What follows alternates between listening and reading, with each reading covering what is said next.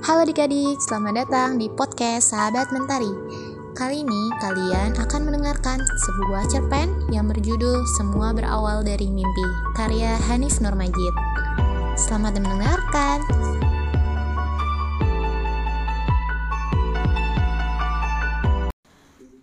Semua berawal dari mimpi, karya Hanif Nurmajid. Tidak seperti biasanya, hari ini pasienku sangat ramai. Banyak pasienku yang menderita penyakit demam berdarah. Walaupun sedikit lelah, tetapi aku harus melayani pasien dengan baik. Karena itu adalah tanggung jawabku sebagai dokter. Aku sangat senang dengan profesiku saat ini karena bisa membantu dan menolong banyak orang. Suatu ketika ada seorang nenek datang ke rumahku. Saat itu waktu menunjukkan pukul satu malam dan aku pun sedang tertidur lelap. Ia meminta tolong untuk memeriksa cucunya yang sedang menderita demam tinggi. Assalamualaikum Pak Dokter. Sambil mengetuk pintu rumah. Waalaikumsalam. Ada apa, Nek? Ada yang bisa saya bantu? Jawabku. Tolong cucu saya dok.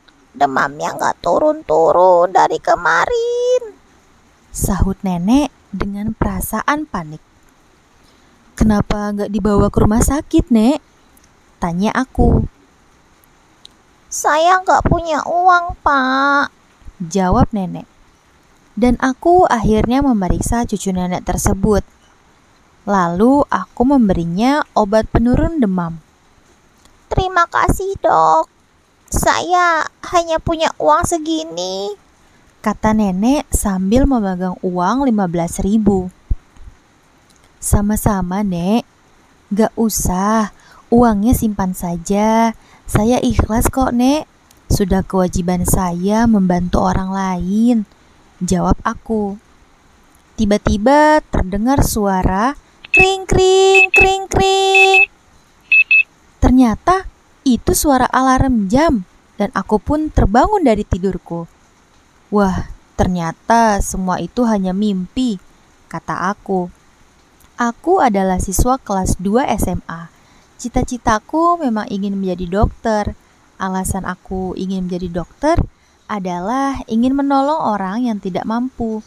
Sama sepertiku, Ayahku hanya seorang petani, dan ibuku seorang pembantu rumah tangga. Itulah yang menyebabkan aku ingin menjadi dokter dan menjadi orang yang sukses. Suatu hari, ayahku jatuh sakit dan terpaksa tidak bisa bekerja menafkahi keluarga. Aku sempat ingin berhenti sekolah dan bekerja untuk memenuhi kebutuhan keluarga tetapi ibuku melarang. Ibuku melarangku untuk berhenti sekolah. Bu, lebih baik aku berhenti sekolah saja dan bekerja. Aku tidak tega melihat ibu bekerja sangat keras untuk memenuhi biaya berobat ayah dan sekolahku. Kata aku, "Jangan, Nak. Ibu masih mampu membiayai berobat ayah dan sekolahmu. Kamu harus punya cita-cita yang tinggi." dan menjadi orang yang sukses. Kamu fokus aja belajar, jangan pikirin biaya sekolah. Itu tanggung jawab ayah sama ibu. Jawab ibuku. Perkataan ibu itulah yang membuat aku semangat dalam belajar. Tidak terasa, aku sudah duduk di kelas 3 SMA. Di sini aku berpikir tentang masalah biaya perkuliahan kedokteran yang sangat mahal dan orang tuaku tidak akan mungkin bisa membiayai karena biayanya mencapai puluhan bahkan ratusan juta. Aku pun sangat bingung memikirkan masalah itu. Beruntung aku mempunyai seorang guru yang sangat peduli kepadaku. Beliau selalu memotivasi dan membantuku. Namanya Bu Dewi.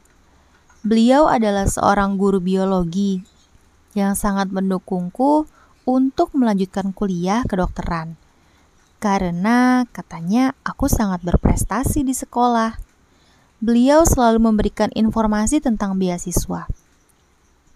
Singkat cerita, aku lulus dari SMA dan mendapatkan nilai yang memuaskan. Aku pun berhasil diterima di universitas ternama di Indonesia. Orang tuaku sangat bangga atas pencapaianku saat ini. Orang tuaku selalu berpesan kepadaku agar kelak aku menjadi orang yang sukses. Jangan sombong dan tetap rendah hati. Perkataan itu selalu berbekas di kepalaku. Setelah beberapa tahun, aku pun lulus dan menjadi seorang dokter. Sungguh perjalanan yang tidak mudah untuk mencapai semua ini. Dan aku percaya bahwa proses tidak akan mengkhianati hasil dan mimpiku menjadi kenyataan.